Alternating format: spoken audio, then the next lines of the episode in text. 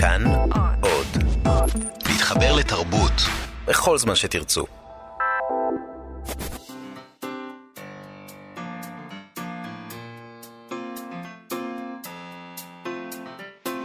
מה שכרוך. עם יובל אביבי ומה יעשה לה.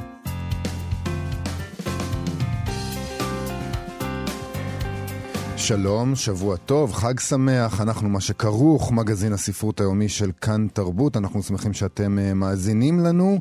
Uh, איתנו באולפן uh, עומר מנחם שליט ונדב זילברשטיין שעושים איתנו את התוכנית, ושלום גם לך, מאיה סלע. שלום יובל, נזכיר uh, את האפליקציה של כאן, כאן עוד, חפשו כאן אודי בחנויות האפליקציות, אפשר גם לשמוע אותנו בספוטיפיי. ואפשר לבקר אותנו בעמוד הפייסבוק שלנו, מה שכרוך עם יובל אביבי ומאיה סלע, וגם לשלוח לנו הודעות שם. אה, ונתחיל, אה, נגיד שהיום אנחנו נדבר עם המשורר מרחב ישורון. על משורר אחר, על רומן באימבייב, זיכרונו לברכה, שמציינים אנחנו בימים אלה שבע שנים למותו. מחר בערב יתקיים בפאב הפסאז' באלנבי בתל אביב, ערב לזכרו. הוא היה טיפוס מאוד מעניין. השירה שלו, משהו משוגע לגמרי. אנרכיסטי כזה, ואנחנו נשמע ממרחב ישורון עליו. כן. נדבר גם עם טלי אשר, שהיא יזמית ספרותית חברתית. ננסה להבין מה זה אומר בכלל, יש לנו כאן קלפים שהיא הוציאה. משהו, uh, משהו מעניין. קלפים אני אוהבת, ספרות אני אוהבת, אז יכול להיות שזה יהיה אני, מעניין. אני רוצה להגיד כבר בהתחלה, אני הייתי נורא ציני לגבי זה, והתפכחתי. Uh, אני לא ציני יותר לגבי ציניות זה. ציניות זה לחלשים, יובל. ממש. אז אתה יודע, זה... פשוט תעיף את הציניות בכלל כן. מהחיים. זה המפלט של בן אדם שלא רוצה להרגיש, ואני רוצה להרגיש. ממש. אז uh, טוב, נתחיל. נתחיל, יאללה. Uh, נדבר על קרל אורי קנאוסקרד, הוא שוב בכותרות, לא. ועוד איזה אני, כותרות. היה איזה רגע שבו אמרתי לך, יובל, אתה חייב להודות. צריך להפסיק לדבר לפני כשבועיים, עליו. אנחנו לא נדבר יותר על קנאוסגרד. זה היה לפני יותר משבועיים. עבר זמן. נתנו לו תקופת צינון, הבנתי. ועכשיו אנחנו חוזרים אליו, כי אין ברירה, אני נסביר לכם. אוקיי. במוסף גלריה שישי של עיתון הארץ פרסמו ראיון מתורגם ממגזין הניו יורקר עם קרל אובה קנאוסגרד, ידיד התוכנית. הלוואי שיכולנו לדבר על הראיון עצמו. אה, על הכתבה עצמה, היא מעניינת, הכתבה בעיניי, היא משתדלת להמעיט בנ- בנפילות האלה לקלישאות אה, חבוטות של הדיון בקנאוסגרד, שכבר, כי הדיון הזה כבר נערך, באמת, עשרות פעמים, זה לא שרק אנחנו חוזרים לניו אליו, כן? יורקר יש סטייל, אין כן, מה לעשות. הם חוזרים... הם יודעים לעשות את העבודה נכון, שלהם. הם עשו, שאלות מאוד מעניינות. המראיין, ג'ושוע רוטמן, אה, לרגעים יש תחושה בכתבה הזאת שהוא ממש עורך אה, ניתוח של סדרת הספרים מול קנאוסגרד, ממש ב, ב, ב, בדיאלוג כזה שהוא אומר לו, ככה זה אומר את זה, וקנאוסגרד אומר לו, כן, זה אומר את זה, וזה מאוד מעניין. הרעיון הזה נערך לרגל הופעת הכרך השישי והאחרון של סדרת המאבק שלי, סדרת הספרים הסנסציוניים שלו באנגלית, בעברית. עוד לא. עובדים על החמישי עכשיו. נכון. אז אה, אוקיי, בוא נדבר גם אה, אולי על- על- על זה, כי זה כן. בעצם הדבר המעניין. נכון, ננסה, הספרים. ננסה, אם יהיה לנו זמן. אוקיי. כאמור, הכותרות פה תפסו את תשומת הלב אה, יותר מהכתבה עצמה. הכותרות בגלריה, לא בניו בגלריה, יורקר. כן, בניו אוקיי. יורקר הכתבה הזאת הופיעה עם הכותרת הזאת. כותרת די מיינסטרימית, קרל אובה קנאוסגרד looks back on my struggle. כלומר, קרל אובה קנאוסגרד מביט אחורה על המאבק שלי. זו כותרת הגיונית, הוא מסכם את הדבר הזה, כי כן. עכשיו זה הופיע באנגלית, וזה למרות שהוא סיים לכתוב את זה לפני שנים, עכשיו שזה הופיע באנגלית הוא יכול לסכם. אוקיי. אה, בגלריה השישי החליטו להעניק לרעיון הזה את הכותרת. הסופר הטוב בעולם מסביר למה לעזאזל בחר לקרוא לספרו מיינקאמפ. כן.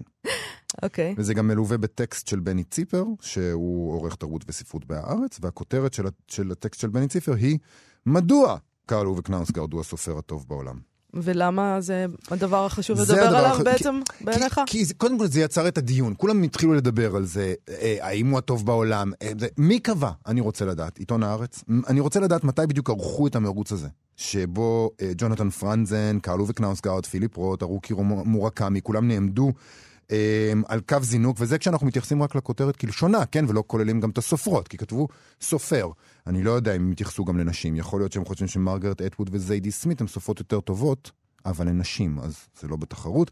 הם נעמדו על איזה קו זינוק מדומיין בידיעה שמי שיגיע ראשון יקבל את הכתר של הכי טוב בעולם. זה, זה, זה כותרת משונה מאוד, כי מה, בכלל, מה זה בכלל הכי טוב uh, בספרות? דבר שני, אה, קרלו וקנאוסקרד, אה, כפי שאמרנו, הוא לא פה מהיום. זאת אומרת, כבר הכירו לנו אותו בשלל כתבות שעמדו על המרכזיות הבינלאומית שלו כסופר ועל התפקיד החשוב שלו בעולם הכתיבה בכלל. ומה קרה פתאום עכשיו? שסוף סוף החליטו בהארץ לתת לו את התואר הנחשף. אני, התחושה שלי שזה מעיד יותר על העיתון מאשר על הכותב. אנחנו כותבים רק על הכי טוב. אם זה אצלנו, זה הכי טוב. כי אנחנו הכי טובים. Uh, תשמע, זה בהחלט הצליח לעורר נרגנות ציבורית, כלומר דיון, שזאת אולי מטרת uh, הכותרות באשר הן כותרות בעיתונות, ולפחות במובן הזה מדובר פה בכותרת מצוינת. נכון, זה בהחלט, uh, בהחלט, ראי, ראיתי הרבה אנשים מדברים על זה בפייסבוק לפחות, נכון. בפייסבוק שלי, שזה לא עדות לשום דבר. נרגנים רבים. נרגנים רבים כמוני. Uh, לבני ציפר, אגב, יש הסבר טוב, מדוע הוא בעיניו הסופר הכי טוב בעולם, הוא מסביר ככה, אין פירוש הדבר. אה, שזה הכותב הטוב ביותר שנמצא. יש להבדיל בין כותבים לסופרים. תפקידם של סופרים, להבדיל מהכותבים, הוא לדאוג לכך שהספרות תישאר רלוונטית. שישימו אליה לב, שהיא לא תתאבן על המדפים. זה מסביר למה קנאוסגרד בהחלט עשה את זה. קנאוסגרד זכאי לתואר לדבריו, לדברי ציפר, הפך את חייו למופע ריאליטי שהכלל החשוב ביותר בו הוא שלא מסתירים דבר. זאת אומרת, ציפר מסביר בעצם את עצמו. אתה שם לב, כאילו. זה נכון. אבל הנה, הוא... אנחנו תמיד כותבים על עצמנו בסוף, כך שצריך לקרוא ככה טקסטים. אוי ואבוי, זה אומר דברים איומים על הביקורת. אה, נכון. אבל זה נכון. אבל תראה, הוא ממש, אה, כן. לגמרי, זה נכון. אה, הוא ממשיך ואומר דברים על קנאוסגרד. עם קנאוסגרד כמו נגמר סופית עידן היצירה הספרותית בנוסח האמריקאי שלה, זה מעניין. כמוצר מוגמר העובר מן הסופר לקוראיו דרך המוציא לאור. כל כולו מתקפת טרור על התקינות הפוליטית, כך כותב ציפר. וכך הוא רואה גם את עצמו. אה, תר אדום שהתפוצץ. אה, אה, צריך לומר שציפר, קודם כל, נראה שהתאהב בקנאוסגורד בגלל ההגנה על ציון. זה הדבר הראשון. הוא כותב שם, אישית נתפסתי לקנאוסגורד בזכות קטע קטן בכרך הראשון של מיינקאמפ. הוא קורא לזה ככה, אה, מאבקי, קוראים לזה בעברית. שם הוא נזכר אה, בחטף בסצנה מבית הספר. כל הכיתה משוכנעת במיטב המסורת הנורבגית, שישראל היא מדינת רשע המתעללת בפלסטינים. עד שפתאום אחת התלמידות, יהודייה מהגרת מרוסיה, מאירה את תשומת ליבם שהם חיים בשקר. תמונה זהירה זו של יחיד שאינו נגוע בתקינות פוליטית, האומרת שעל ליבו קנתה את ליבי. עוד פעם, זה הוא. היחיד הזה שאינו נגוע בתקינות פוליטית. אני אוהב את... ויש פה נאמנות בביקורת. ללא ספק אפשר לחתום על הטקסט הזה. יש לשים עליו סטמפה. נאמנות בביקורת. סטמפה של uh, משרד העיתונות נקרא לזה. כן. Uh, אם כן, הטוב בעולם, uh, נגמרה התחרות, כל הסופרים האחרים יכולים להפסיק uh, לנסות. Uh, אני רק רוצה להזכיר שלאחרונה התפרסמה מוסף ספרים של הארץ ביקורת על התרגום לעברית של הכרך הרביעי בסדרה לרקוד בחשיכה. שם uh, המבקרת מאיה גז השוותה את הספר לסנדוויץ'. uh, כריך. עם ציטוט. כריך. כריך. אנחנו ברדיו ישראלי, בעברית. לא סנדוויץ', אלא כריך. uh, וזו המילה שהיא משתמשת בה, כי היא גם כן כותבת בעברית. ציטוט אמיתי מה, מהביקורת הזאת. העלילה נעה לאורך הספר כמו כריך. היא נפתחת, פרוסת הלחם הראשונה, בהגעתו של קנאוסגרד אל הפיורד כמורה. גולשת, הממרח. אל זיכרון נעוריו המאוחרים אחרי גירושי הוריו וחוזרת. פרוסת הלחם... פרוסת הלחם השנייה.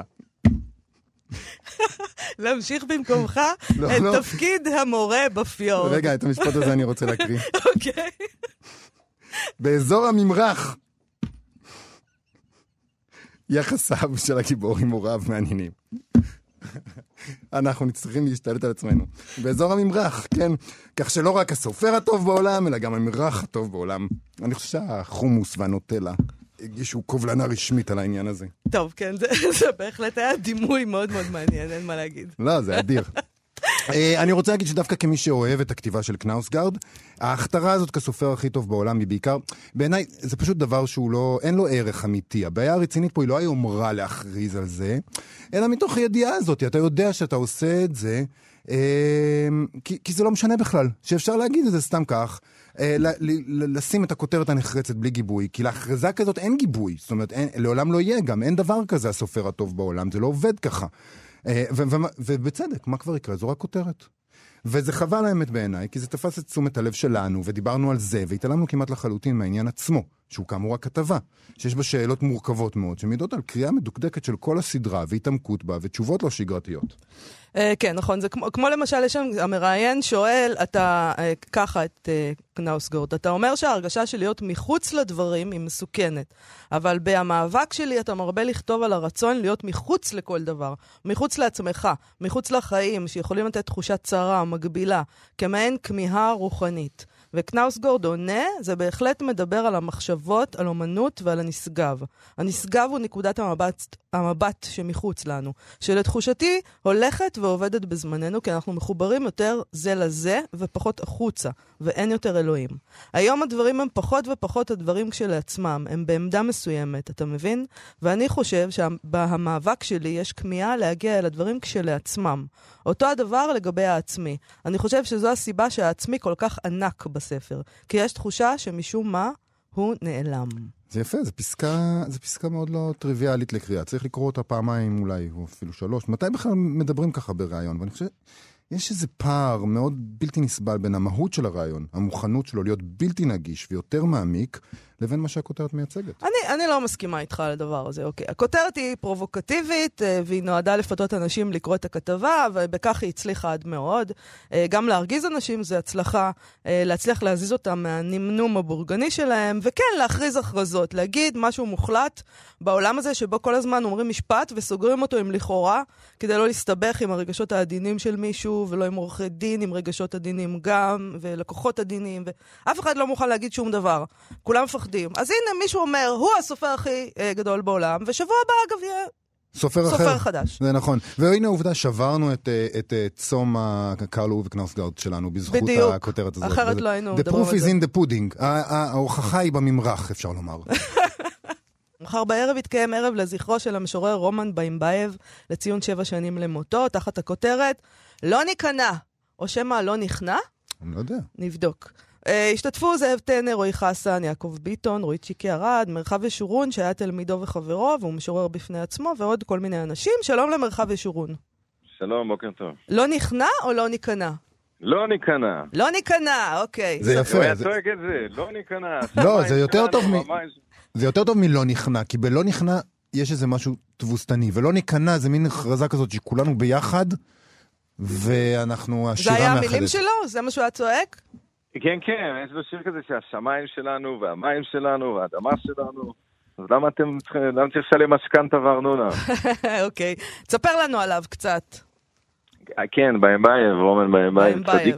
כן, צדיק. צדיק. הוא- ביימבייב אה, תפס את עצמו כצדיק, זאת אומרת, הוא בנה לעצמו חצר, זה היה חצר ליד הכרמל.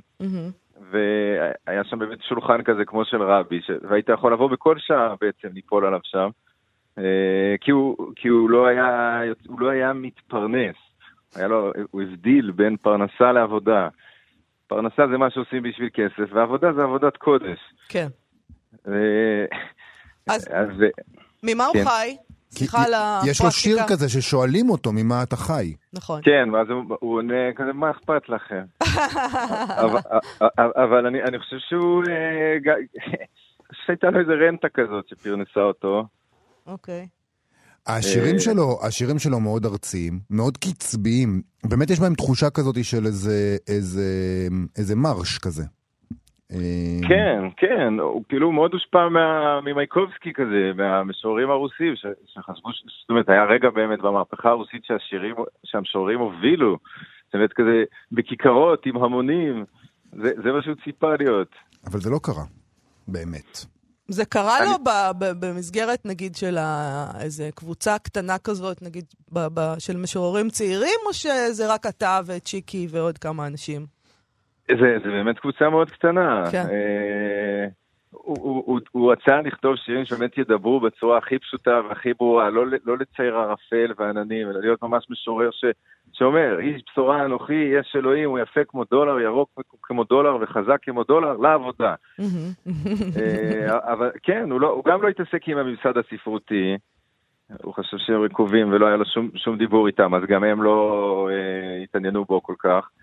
וההמונים כן, ההמונים לא באו אליו. האם אה, אתם דיבר, אתה יודע עליו? זאת אומרת, אני מבינה שהוא בכלל היה מהנדס, ואז אה, קרה משהו, ויום אחד הוא עזב הכל, נכון? זה משהו כזה. לא, הוא למד, הוא למד הנדסת מכונות בטכניון, אבל הוא אף פעם לא עסק בזה. היה לו איזה עסק של סטארט דפוס, אוקיי. פעם, פעם היו דברים כאלה. ואז הוא החליט שדי, שהוא משורר. והדבר הראשון שהוא עושה זה באמת אה, להפסיק אה, להתפרנס, ולכתוב שירים על זה שהוא לא מתפרנס. זה נשמע די מפתה באיזשהו אופן, אני חייבת לומר, כל הדבר הזה. להפסיק הוא הלך עד להתפרנס. הסוף, הוא הלך עד הסוף עם ה... באמת עם מין חיבור כזה בין החיים ל- לכתיבה, שלא יהיה פער. איך זה- שה- איך הוא עשה את זה? תסביר לנו קצת על השירה שלו. זה קשור בהגדה שהוא יצר. זאת אומרת, זה מישהו שכאילו מסתכל על המציאות ועל החברה ואומר, די, זה, זה דפוק לגמרי, אני לא יכול לקחת בזה חלק. ואז הוא בנה את המחוז הדמיוני הזה. מה זה קורדובה? זה החצר הזו שתיארתי, אבל זה גם העיר של הרמב"ם. זאת אומרת, כן. העיר שממנה יוצאת החוכמה הגדולה. אה, והיינו באים לקורדובה. לא, אה, אה, זאת אומרת, אתה- מגיע לקורדובה, וקורדובה זה הממלכה של המשורר הזה. שזה הייתה החצר שלו בבית, כאילו. לגמרי, כן. ושם היו הפרדות מאוד ברורות בין צדיקים לבין בבונים, אה, בין, ש... בין שירה לבין uh, פוליטיקה. כאילו, הוא חתך את העולם... Uh, נניח, נניח. שאני הייתי מגיע לשם, אז הוא היה אומר לי, אתה צדיק או אתה בבון? לא, לא, לא בפניך? לא, הוא היה יכול, לא, הוא היה יכול הכל, האמת שכן, הוא היה גם פרובוקטור לא קטן, אבל הוא היה אה, יושב איתך, מדבר איתך, שומע אותך, אה, מסביר לך, נואם לך, דופק, בר... דופק על השולחן, עד שהיית נכנע. במקרה שלי זה היה מהר מאוד. אה, תגיד, בספר שהוציאו לו בהוצאת מעיין אחרי מותו, אה, יש גם המון המון מכתבים לשרים וכל מיני בעלי תפקידים, וזה דברים כן. שנשלחו ממש. ממש, כן, לרון חולדאי ולמי שהיה השר לביטחון פנים, שלמה בן עמי, שהיה אז קטע טוב, זה עדיין ממשיך, כאילו הקטע של הפוליטיקאים שהולכים לכלא, כן. אז הוא, אז הוא פנה והציע תוכנית כזאת לשיקום האסירים. ה- בטוח שזה יתקבל בברכה בזרועות פתוחות. נכון. זה רעיון אה, טוב אה, בכלל, זה על אחת כמה וכמה היום, שזה כבר ממש, אה, אנחנו צריכים את זה. אז, רואים איך השירה שם הולכת ומגיעה, כי בהתחלה הוא עוד פונה אליו בנימוס ומנסה לדבר איתו בצורה מכובדת, וככל שלא מתקבלת תשובה, אז, אז רואים שהשירה כבר דרושה, שאולי היא תפתח את הלב, עד שהוא ממש מתחיל לקלל אותו כבר בשיר. אה, כן, הוא מציע למשל, סתם, אני מציץ פה על זה וזה עכשיו, אה, לראש העיר אה, אה, תל אביב-יפו, אה, מציע לו אה, לעשות, אה, מה זה? אה, גרדומי הנצחה למשוררים. אני מופתע שלא הלכו על זה, באמת. טוב, המ- זה, זה קשור בזה שפשוט התרבות שלנו באמת אוהבת את המשוררים של המתים. נכון. אז מה יהיה ב- בערב הזה שאתם עושים לכבודו? אז יהיה הרבה מוזיקה, כמובן צריך להגיד שהכניסה היא חינם, אוקיי. ושזה בפסאז' אלנבי 94, בשמונה וחצי. ואתם אה, תקראו את שירה שלו? אז תהיה שירה שלו, ויהיה גם הרבה, והספר השני שהוא עשה, זה בעצם לא היה ספר, הוא אמר, מה זה ספר? זה יושב על המדפים ואף אחד לא קורא, הוא הוציא דיסק. כן. אה, אז, אז יהיה גם הרבה חומרים, אה, אה. שישמעו אותו. זאב טנא ישיר, ויעל בירנבאום תשיר. אז אתה אה, רוצה אולי לקרוא לנו משהו שלו, את ריטה, למשל? בהחלט. בבקשה. למש... זה מתוך המבוא להלוואי וגודביי, חיזוקים לצדיקים, נזיפות לבבונים. ריטה, קופים יצאו מדעתם. ראית את חשבון החשמל שקיבלנו? שאלתי את ריטה. בוא נעשה ילד, אמרה ריטה, שלא שמע מילה מדבריי. ניגשתי לחלון והסתכלתי החוצה. קרפדה זקנה חצתה חצר באלכסון. בוא נעשה ילד, אמרה ריטה. התלבשתי ויצאתי, הלכתי לים. מזג האוויר נעל את הבהמות בבית, לשבת מול הטלוויזיה, ללעוס ולהפליץ. אבל השכפים נשארו בחוץ והיו צעקניים וטרחניים כמו קבוצת תיירים בארוחת בוקר של מלון. מאיפה שהוא צץ חמור, אכול תאוות בצע וניסה לדחוף לי את החרא שלו בחמישה שקלים לקילו. בוא נעשה ילד, אמרה ריטה. לא פעם שאלו אותי, מדוע אין לי ילדים? מאיפה לי לדעת? אני לא שייך לסוג שאוהב ילד שלא נולד. אחר כך זה יכול להשתנות. גיטה רצתה חתול ואני לא, בסוף אני טיפלתי בו. טיפלתי גם באקווריום של מירי וגם בכלב של ציפי. בוא נעשה ילד, אמרה ריטה. ברגע שאמי ראתה אותי בפעם הראשונה אחרי הלידה, היא פלטה בבהלה, אוי וייז מירי זקופה ווליה. בני זונות קראו לדודי ווליה עצלן, אבל הוא חשב את עצמו לנציגו של מיקי מאוס בעולם הזה. יום שלם הסתובב עם חרצן של זית בפה וידיים בכיסים. מגירות שולחנו מילא במיני ברזלים, בוקסות, מופתות, קוגלאגרים ומה לא. מפעם לפעם היה מחנטרש איזה צעצוע צולע מכל הבלגן שלו ושם אותו בצד להעלות אבק. הוא לא הבין בכסף. בסוף בא סרטן ואכל אותו מבפנים. בוא נעשה ילד. ממני ניסו לעשות אריה. ניתנו לי כלים להרוויח. הוריי האמינו שככה יהיה לי יותר קל בחיים. נשותיי לשעבר והוריהן כדי שלהם יהיה יותר קל בחיים. השלטונות, על מנת שיהיה מה לקחת ממני. זרים, גם כאלה שפגשתי רק במקרה ורק פעם בחיי, איחלו לי פרנסה טובה, בתקווה שיצליחו למכור לי משהו. בוא נעשה ילד. עצרתי להדליק סיגריה, ואז גיליתי ששכחתי את הקופסה בבית. בדרך קניתי בקבוק אקסטרה פיין, ובערב גמרתי אותו עם חברים, כאילו היה רמי מרטן, או משקה משובח אחר. ואז נרדמתי. זה באמת uh, כל התורה שלו על רגל אחת, נכון? אפשר, כן. כן, כן. מאוד לא שגרתי. אז היום, אה, מחר, סליחה, מחר בפסאז' באיזה שעה תזכיר לנו? שמונה וחצי. מאוד מאוד אה, מעניין ומומלץ. תודה רבה לך, מרחב ושורון. תודה. תודה חברים. להתראות. טוב, אה, זוכרים את הסצנות האלה בסדרות אמריקאיות, שמגיעים חבורה של מבוגרים שנראים אה, מכל בחינה אחרת אה, די נורמטיביים, אה, שותים כוס יין ככה, וגם משחקים שריידס. שריידס? שריידס, שזה משחק הפנטומימה הזה והציור שאתה צריך לנחש שמות של סרטים וספרים באמצעות כל מיני כן. כן. אפקטים, בלי להגיד את השם עצמו. מהמם. תארי לך, אה, מאיה, חבורה דומה שיושבת ומשחקת משחק קלפים, שעניינו שאלות ספרותיות שנועדו לגרום להם לפתוח את הלב בפני החברים שלהם. זה נשמע קצת דמיוני. אה, לאחרונה נשלחו אלינו שתי חבילות של משחק קלפים. אחד אה, לילדים ואחד אה, למבוגרים, שאלות בסימן קריאה. אה, הם נועדו לעודד שיח על ספרות, מתוך התפיסה ששיח על ספרות יכול להתניע איזה תהליך חברתי שיהיה מועיל למשוחחים, ויהיה גדול יותר מאשר מסתם שיחה על ספרים. יש כל מיני שאלות בקלפים האלה, שאלות מאוד פשוטות. עם איזה דמות אתה מזדהה, איזה סוף בספר אהוב היית רוצה לשנות, מה היית רוצה לכתוב, וכל מיני כאלה. ויש גם משימות לפעמים, לכתוב חמשירים למשל. עכשיו, אני מאוד ציני לגבי הדברים האלה. אני ציניקן גדול, זה תמיד נראה לי כאילו זה לא יעבוד, אבל החלטתי לנסות את הגרסה לילדים עם הבן שלי, שהוא בן שש. עכשיו, ממש עכשיו התחיל ללמוד לקרוא בבית ספר, וזה היה די מדהים. זה היה מדהים. Uh, בזכות השאלות האלה דיברנו על כל מיני uh, דברים שלא לגמרי קשורים לספרות. למשל, uh, יש שם שאלה, מה מנחם אותך? איזה ספר מנחם אותך? והוא קורא עכשיו את ספרי ראשית קריאה, צפרדי וקרפד, דובי דוב וכל מיני כאלה. ועל השאלה הזאת הוא ענה שדובי דוב מנחם, ואת ספרדי וקרפד בכלל בכלל לא. עכשיו, נוצרה שיחה שבה הוא הסביר למה, וזו הייתה שיחה כבר שהיא אישית והיא מורכבת, ואני לא אחשוף אותה פה. אני לא חושב שהיינו מגיעים לדבר על זה בכלל בלי המשחק הזה. מי שעומדת מאחורי המשחק הזה זה טלי אשר, שכתבה את ספר הילדים דרושה סבתא, והיא ראש תחום חברה ותרבות במכללת סמינר הקיבוצים, שם היא הקימה לפני שנתיים את מרכז טיוטות להנגשת הספרות. שלום טלי אשר. שלום. אז אה, אה, לפני הכל, טיוטות, מרכז טיוטות. מה זה מרכז? טיוטות? מרכז טיוטות יושב באמת במכללת סמינר הקיבוצים. אני מקווה שאני אצליח לדבר עם החיוך הזה שמרוח על פניי אחרי הפתיח שלך. אז, אה, אז מרכז טיוטות הוא מציע לקהל הרחב, לא רק לבאי המכללה, אה, סדנאות כתיבה וקריאה, ובצד זאת עוסק ביזמות ספרותית, שעניינה עשייה חברתית באמצעות ספרות. וכאן המטרה היא להגיע לקבוצות באוכלוסייה שאולי זקוקות לאיזשהו תיווך כדי לפגוש ספרות, אה, כמו נוער בסיכון, או קשישים, או צוותים רפואיים, שבאמצעות המפגש הספרותי אולי מחדדים שיח חומל יותר עם אנשים שהם עובדים איתם. אז אה, זה מרכז טיוטות. ומה, ואיך איך הגיע, זה נשמע כמו משהו שעושים בתוך סדנאות קריאה או כתיבה ודברים כאלה, אז איך נולד הרעיון הזה של הקלפים? הקלפים, אמ, אני מאוד אוהבת אה, שאלות, אני מוצאת אותן אה, כר פורה לשיחה, הרבה יותר מסימני קריאה.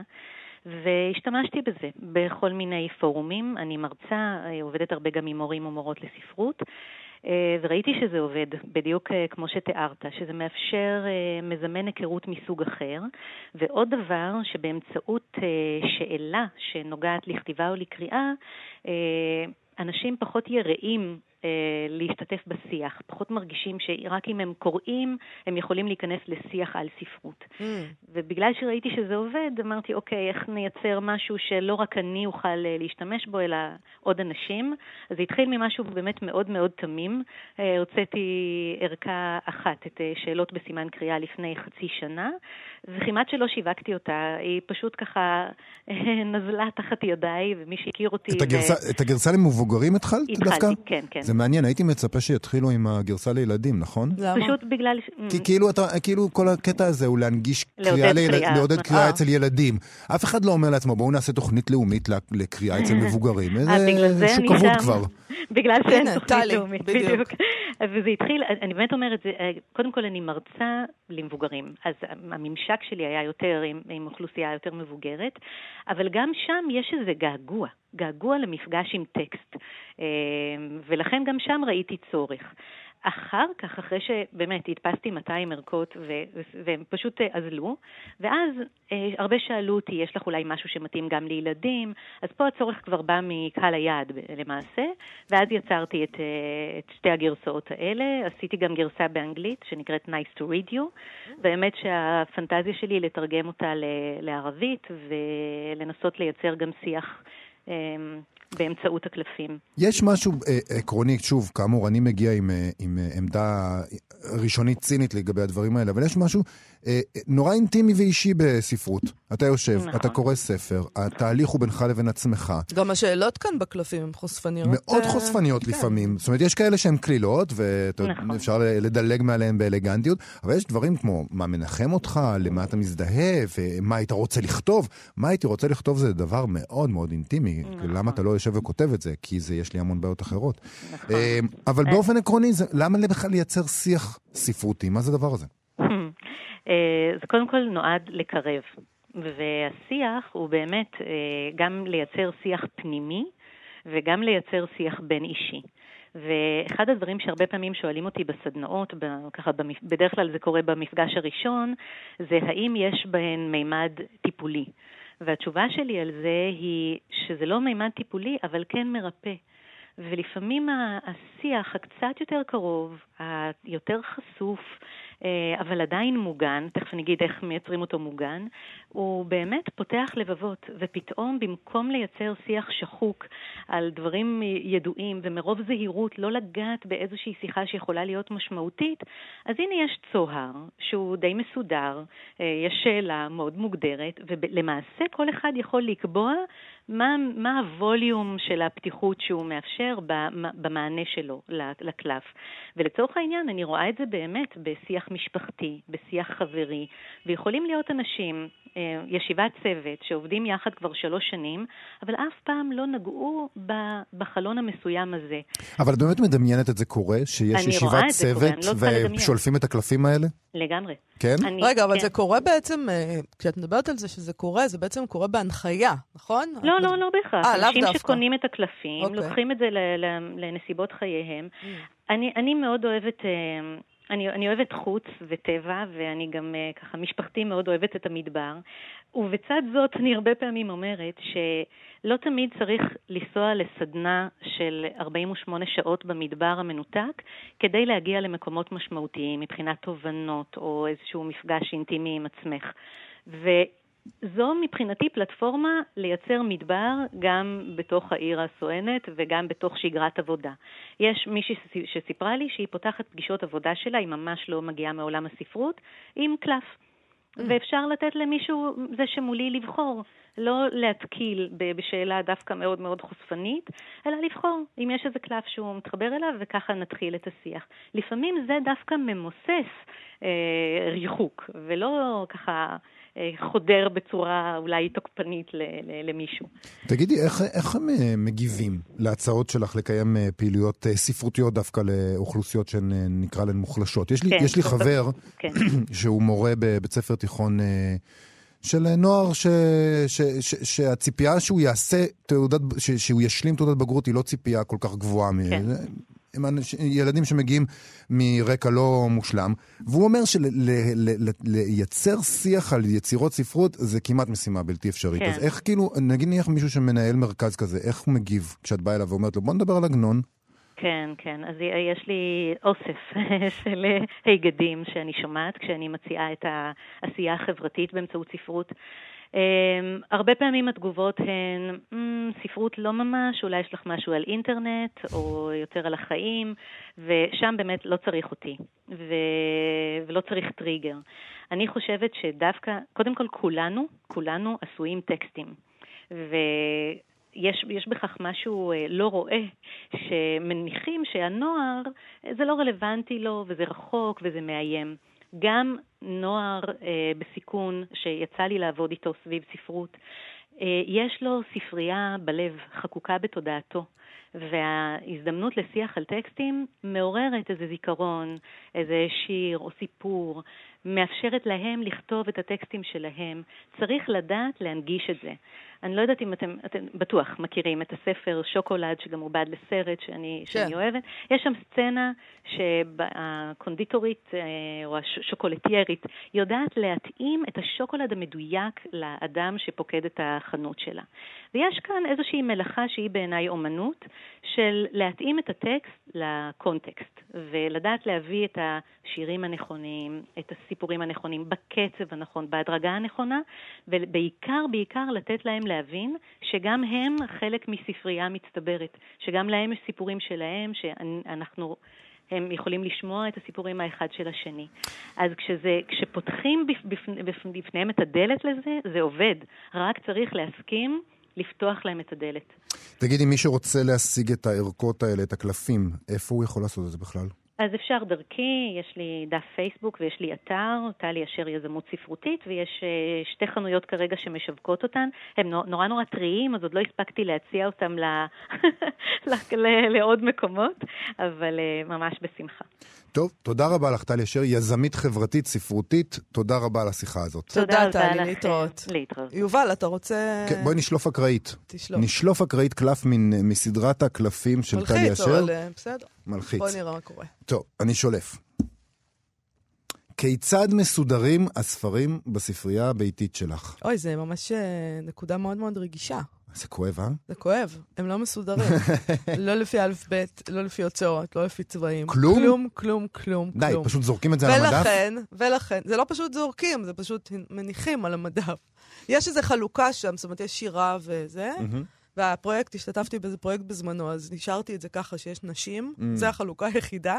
אבל uh, המשמעות של זה היא שכל פעם כשאני צריכה ספר, uh, בשביל משהו, בשביל ציטוט, בשביל התוכנית הזאת, אני לעולם לא מוצאת אותו. את אז... מבינה שזו באמת שאלה באמת הרבה יותר מורכבת מאשר, uh, מאשר ספרים. זה פתאום חודר לאישיות שלך, איך אתה מסדר את החיים שלך, איך הבית שלך נראה, אוי ואבוי. איך זה אצלך מסודר? אה, קודם כל, אני נפטר מהמון ספרים, אני כל הזמן נפטר מספרים. אבל עדיין, ראיתי, יש, יש לך ספרייה. יש ספרייה, אה, מסודר בגדול לפי הוצאות. אה, ואם לא לפי, ו, ולפי סופרים, זה יוצר הרבה בלאגן, כי הרבה פעמים יש אה, אותו סופר, אבל מהוצאה 아, אחרת. אה, כל העמוס עוז ביחד נגיד? נגיד כן, אבל זה בעיה, לא, אצל עמוס עוז זה לא, זה לא כזאת בעיה, כי תמיד היה כתר. זה, אבל גם כתר, יש לו סדרות שונות, זה נראה אחרת, ואז יוצר מצב... אבל זה יוצא ש... שיש לך כזה סופרים, שיש לך הרבה ספרים שלהם, כן. ביחד. ונגיד עם עובד, תמיד כולם ביחד, כי הם נראים מאוד מאוד דומה, הספרייה לעם. ברור. ויש מדף שואה. יש מדף שואה, ששם זה לא לפי ספר, לא לפי הוצאה ולא כלום, פשוט כל מה ששואה הולך לשם. אה, זה מדף קשה קיצור, מאוד. קיצור, אני אה, ברדקיסטית ואתה אדם אה, מסודר. יש, טוב, האמת היא שהמקצוע שה, שלנו לא מאפשר באמת לסדר את הדבר הזה. כן? זה ממשיך להגיע כל הזמן. כל הזמן שולחים לנו ספרים וזה אוקיי. בלאגן גדול. נשלוף עוד אחד אחרון? אני לא יכולה לחיות את החיים שלי ולבזבז אותם על לסדר את הבית נכון, כל הזמן. זה נכון, זה נכון, יש לי דברים לעשות. אני צריכה לקרוא. בדיוק. אוקיי. אה, עוד שאלה אחת? כן.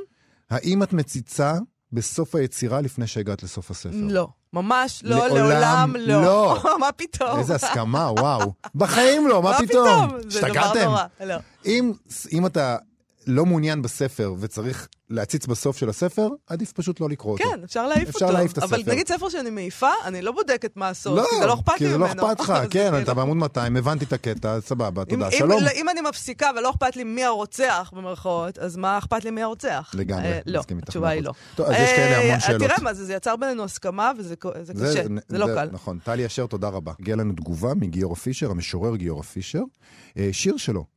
אה, מתוך הספר צירי חיים, קשב לשירה, שנקרא איך היו מסודרים הספרים בסלון של הוריי. אה, תקרא, כמובן, בבקשה. כמובן אה, קשור לשיחתנו, לשיחתנו כן. בזכות ה... את רואה, הקלפים האלה פותחים עוד ועוד שיחות. אז הנה, בסלון של הוריי נקרא השיר. מסודרים לפי צבע הכריכות, פארו הספרים של הוריי את הסלון. כתבי המצביא וכתבי הנביא של תנועת העבודה. כל כתבי הסופר, כל כתבי המשורר וספריית עם עובד. את הרומנים של הוצאת מ' מזרחי אפשר להחליף בספרייה. נפלא. יפה. אחרי זה אתה מתפלא שאין יותר ממזרחי, גיורא פישר. אבל זה יפה, נכון. שיר יפה. את- זה נכון, אני זוכר גם אצל סבא וסבתא שלי, למשל, פעם היו מקבלים את זה. סבא וסבתא שלי קיבלו, אה, כשהיית אה, באיזה, אגוד, באיזה התאגדות כזאת של פועלים, שזה מה שסבא וסבתא שלי עשו, אז אה, בחג קיבלת את כל כתבי י"ח ברנר. אז זה, זה שבעה כרכים. אני באה מבית רוויזיוניסטי, אנחנו לא קיבלנו, התאגדנו ולא קיבלנו אה, את הייתם כל כתביו. כתביו של אף אחד, רכשנו את הספרים שלנו. אוקיי, אה, נעשה, אה, נעבור לפינת סטטוס יומי? כן, יופי. אז נקריא סטטוס אה, של גולש אה, בשם יואב שי, שמפעיל בלוג, שקוראים לו אה, Writer's Block. אה, אני עוקבת אחריהם גם ב... נראה לי בטוויטר. יש לו גם טוויטר. נראה לי, כן. וכך אה, הוא כתב לפני כמה ימים בפייסבוק. יובל, אה, אתה רוצה לקרוא את זה? כן, ככה זה הולך. ספר מוערך יתר על המידה של סופר בינוני שזכה למעמד של אל בלי סיבה מוצדקת.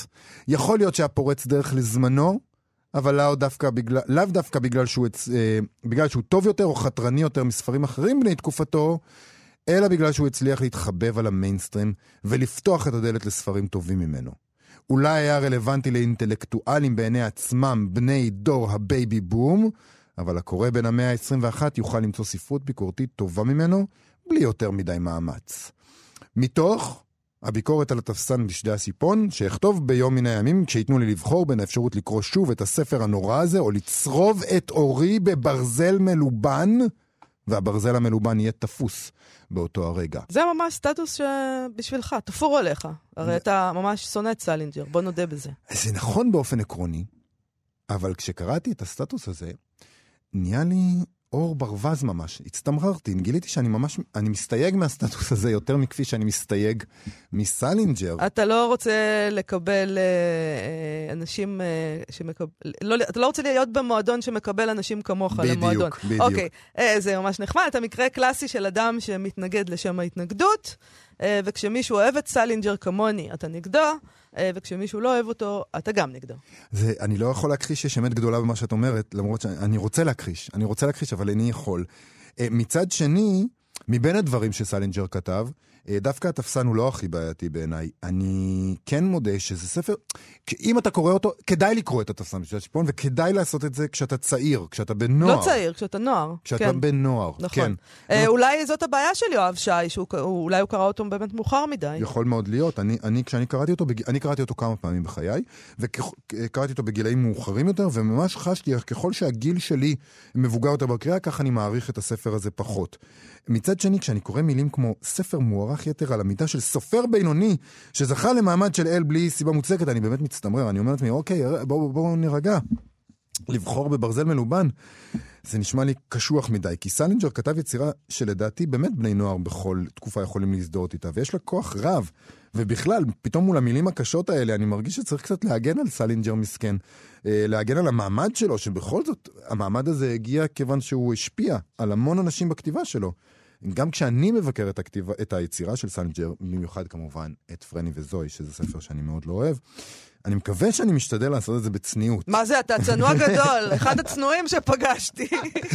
לא, אני מכיר, מכיר במקום של הספר הזה, המון אנשים ממש נשבעים בו. אז אז זה סלינג'ר אחרי הכל. בכלל. פרני וזוהי, אה, אני רוצה, כדי שהציבור הגדול מאוד שמקשיב לנו לא יתבלבל, פרני וזוהי זה הספר הכי טוב של סלינג'ר, ואני אמליץ עליו כאן שוב ושוב, גם יודע- הרגע הזה. את יודעת משהו? אני חושב שלאור ההסתייגות מהסטטוס הלוחמני הזה, אולי אני אקרא בו שוב. אני מאוד ממליצה לך לעשות את זה. זה ספר קצר סך הכל, זה לא כזה ספר נכון, ארוך, נכון. אפשר לעשות את זה בזה. הייתי אה. מביאה לך את העותק שלי, אבל דווקא אותו אני זוכרת שהשאלתי, ואני אפילו זוכרת למי, ותחזיר אותו, בן אדם, זה היה כבר לפני- מזמן. יש לך קטלוג של כל הספרייה בראש, זה מה שחשוב. זה נכון. אה, טוב, אנחנו אה, אנחנו? צריכים לסיים, כן, אין לא ברירה. הספקנו חצי מהדברים שלנו כמובן. יש לנו גם את יש לנו מחר. את מחר. בלי נדר. לפני שמחר נזכיר לכם לחפש את כאן אודי בחנויות האפליקציות. זאת האפליקציה שלנו, יישומון, שבו אפשר להקשיב לכל התכנים שלנו. אפשר גם לבקר בעמוד הפייסבוק שלנו, מה שכרוך עם יובל אביבי ומה סלע. נגיד תודה לעומר מנחם שליט ולנדב זילברשטיין שעשו את התוכנית הזאת איתנו. אנחנו כאמור נהיה כאן מחר. להתראות.